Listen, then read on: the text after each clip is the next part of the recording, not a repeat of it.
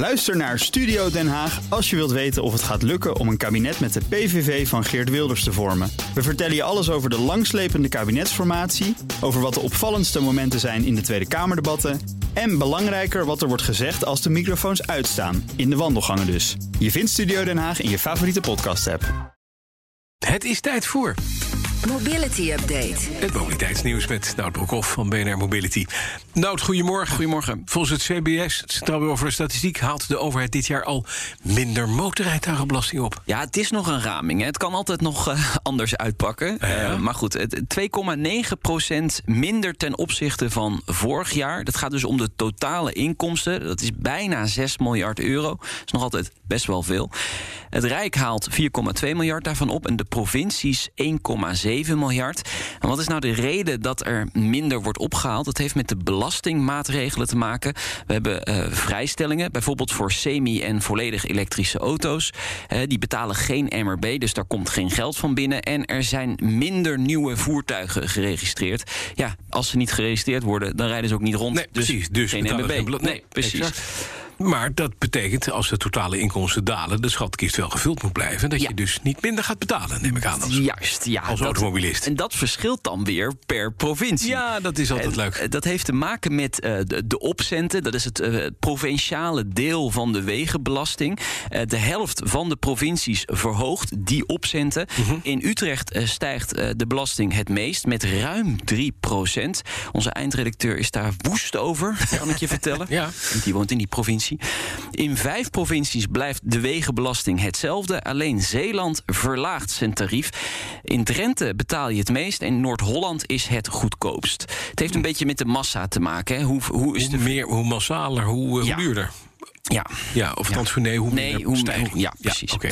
Maar wel hoe duurder, over het Ja. algemeen. Ja, dat is wel zo. De autorijden is, is, eh, Is niet overal- goedkoper ja, dat wordt een beetje geniveleerd. Want Ja. inderdaad, de, de, de andere eh, provincies waren altijd een beetje minder duur dan de Randstad. En de Ja, Randstad was wel duur, maar nu trekt het een beetje Dat bij. gaat, eigenlijk, eh, gaat wel Ja. bijtrekken. Eh, de vraag is, is het niet dan tijd voor verandering van ja, dit ja, systeem? daar wordt natuurlijk al tijd over gediscussieerd. Ja, daar wordt volgens mij over rekeningrijden wordt al 35 tot 40 jaar gesproken. Nou ja, je ziet nu wel dat bezit wordt belast. En misschien moeten we toch maar naar het gebruik. Alleen Ja. ja, dat duurt even voordat dat ingevoerd is, Ja. zo'n systeem. Ja, helemaal niet, kan morgen. Ja, dat, zeggen heel veel eh, experts. Ja, ja, ja. Maar het moet acht, uur, acht jaar duren bij ons in Nederland. Ja, want daar moeten we lang over nadenken. Ja. Dan, OV-bedrijf Keolis hangt een flinke boete boven het hoofd. Waarom is dat? Ja, ze hebben problemen met de elektrische bussen van het Chinese BYD. Eh, wat is er aan de hand? In, en in Gelderland, Overijssel en Flevoland rijden bijna 260 eh, bussen eh, van BYD rond. Maar de kwaliteit laat te wensen over. Ja. Ja, het gaat om de ergonomie van eh, de chauffeurstoel en de isolatie en verwarming van de chauffeurscabine. Met andere woorden, eh, de chauffeurs zitten gewoon Te stikken. In de En kou. Laten ze ook stikken. ja, precies. Ja. Dat, eh, daar lijkt het wel op. De provincie Gelderland uh, maande Keolis al eerder aan tot actie, maar dat is niet gebeurd.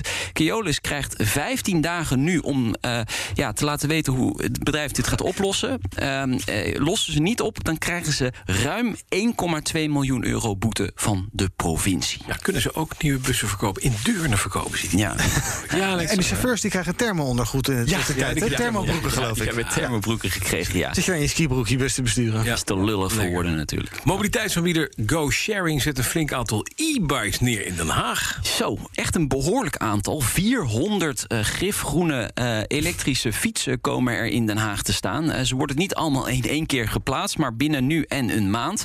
En ja, ze moeten dan een aanvulling gaan vormen op de scooters die GoSharing daar ook al heeft rondrijden. We hebben het vorige week nog over gehad. Hè? Dus je hebt e-bikes, je hebt e-scooters. Maar wat, wat doet het nou eigenlijk voor een stad? Hè? Wie maakt er nou gebruik van en wat is nou precies het alternatief? Nou goed, eh, zij denken dat ze met deze e-bikes eh, mensen kunnen lokken daar eh, om eh, t- gebruik van te maken. Jullie zijn altijd van de kosten. 18 eurocent per minuut om er gebruik van te maken van zo'n fiets. Met een starttarief van 25 cent. Ik vind het toch wel duur voor een fiets. Het is niet goedkoop. Het is, Nee. het, is, het is wat je aan bijtelling voor je, voor je auto krijgt. Ja. Van de fiscus. Tenzij je het natuurlijk vergoed krijgt door je werkgever, dan maakt het allemaal niks uit. Ja, maar toch ga je op een e-bike. Ja, Dus hetzelfde gaat in je auto kan kruipen. Ja, dat klopt. Dat We gaan nog even naar Hyperloop Poep. Ja, ik Hoe heb jullie- is het daarmee? Hoe is het met daarmee? Ja, zeg? ik heb jullie een video gestuurd. Nee, ik heb jullie een video Ja, gestuurd. gezien, Ehm, ja. De Delse start-up Hard Hyperloop heeft een video gemaakt waarin te zien is hoe een reis met de Hyperloop van Amsterdam naar Berlijn eruit Uit ziet. zou kunnen zien. Ja, eh, jullie hebben gekeken en wel, ja. is dit wat? Weet je waar wij aan doen dit jullie denken? aan? Nee, vertel. Aan de trein. Ja, het is nou. Het is net een is treinstation. net een Ja, treinstation. en die trein, die hebben we toevallig al. Ja. Ja, Ja. maar het gaat wel een stukje sneller. Anderhalf uur zeggen door ze toch? Of nee, 55, korter nog. ja. 55 minuten, ja. 55 Sta je in minuten. Brandenburg. Ja. Het filmpje is al eh, meer dan 10.000 keer bekeken. Het, het is wel mooi, eh, leuk om je te wanen in die toekomst van het reizen. Oh ja. Persoonlijk, ik heb het al vaker hier gedeeld, eh, geloof ik niet zo in de Hyperloop. Omdat de infrastructuur gewoon erg duur is om, eh, om aan te leggen. Een kilometer Hyperloop kost eh, 30 miljoen euro. Eh, ja, en eh, de, de infrastructuur voor treinen, die, die ligt er gewoon. Dus laten we dat dan gewoon eh, opschalen en, en sneller maken. Jij had een ander eh, idee, toch? Voor, voor, al de, voor alle sporen. Oh, Wat nee, toch niet weer Ja, even mee eindigen. Oh. Hij weet het niet meer volgens mij. Tuurlijk, alles rails eruit, Ja. asfalt erin. En dan kunnen we Het vrachtwagens is rijden, heel toch? makkelijk. Ja, dan krijg je gewoon alle, Doe dat nou niet, Nout. alle hubs. Nee, maar het is een fantastisch plan. Ja, maar je hebt dit soort dwarsdenkers nodig. Ja, dat moet je gewoon doen. En daar, daarom zijn er ook hyperloops. Alleen, Dat is een waardeloos idee. Je moet gewoon de trein eruit, asfalt erin. Ben je ooit nog benaderd toen we jou voorstelden als nieuwe baas van Rover? Gek genoeg niet. Nee, typisch. Dankjewel, Nout Broekhoff. Maandag half vier een nieuwe aflevering van BNR Mobility. BNR Mobility Update wordt mede mogelijk gemaakt door Ximo, Mobink en ALD Automotive. ALD Automotive. Ready to move you. Ook Liesbeth Staats vind je in de BNR-app. Ja, heel handig. Luister live naar Kees en mij tijdens de Daily Move. Dan blijf je ook gelijk op de hoogte van breaking news en het laatste zakelijke nieuws. En daar vind je ook alle BNR-podcasts, waaronder de Perestrooikast. Download nu de gratis BNR-app en blijf scherp.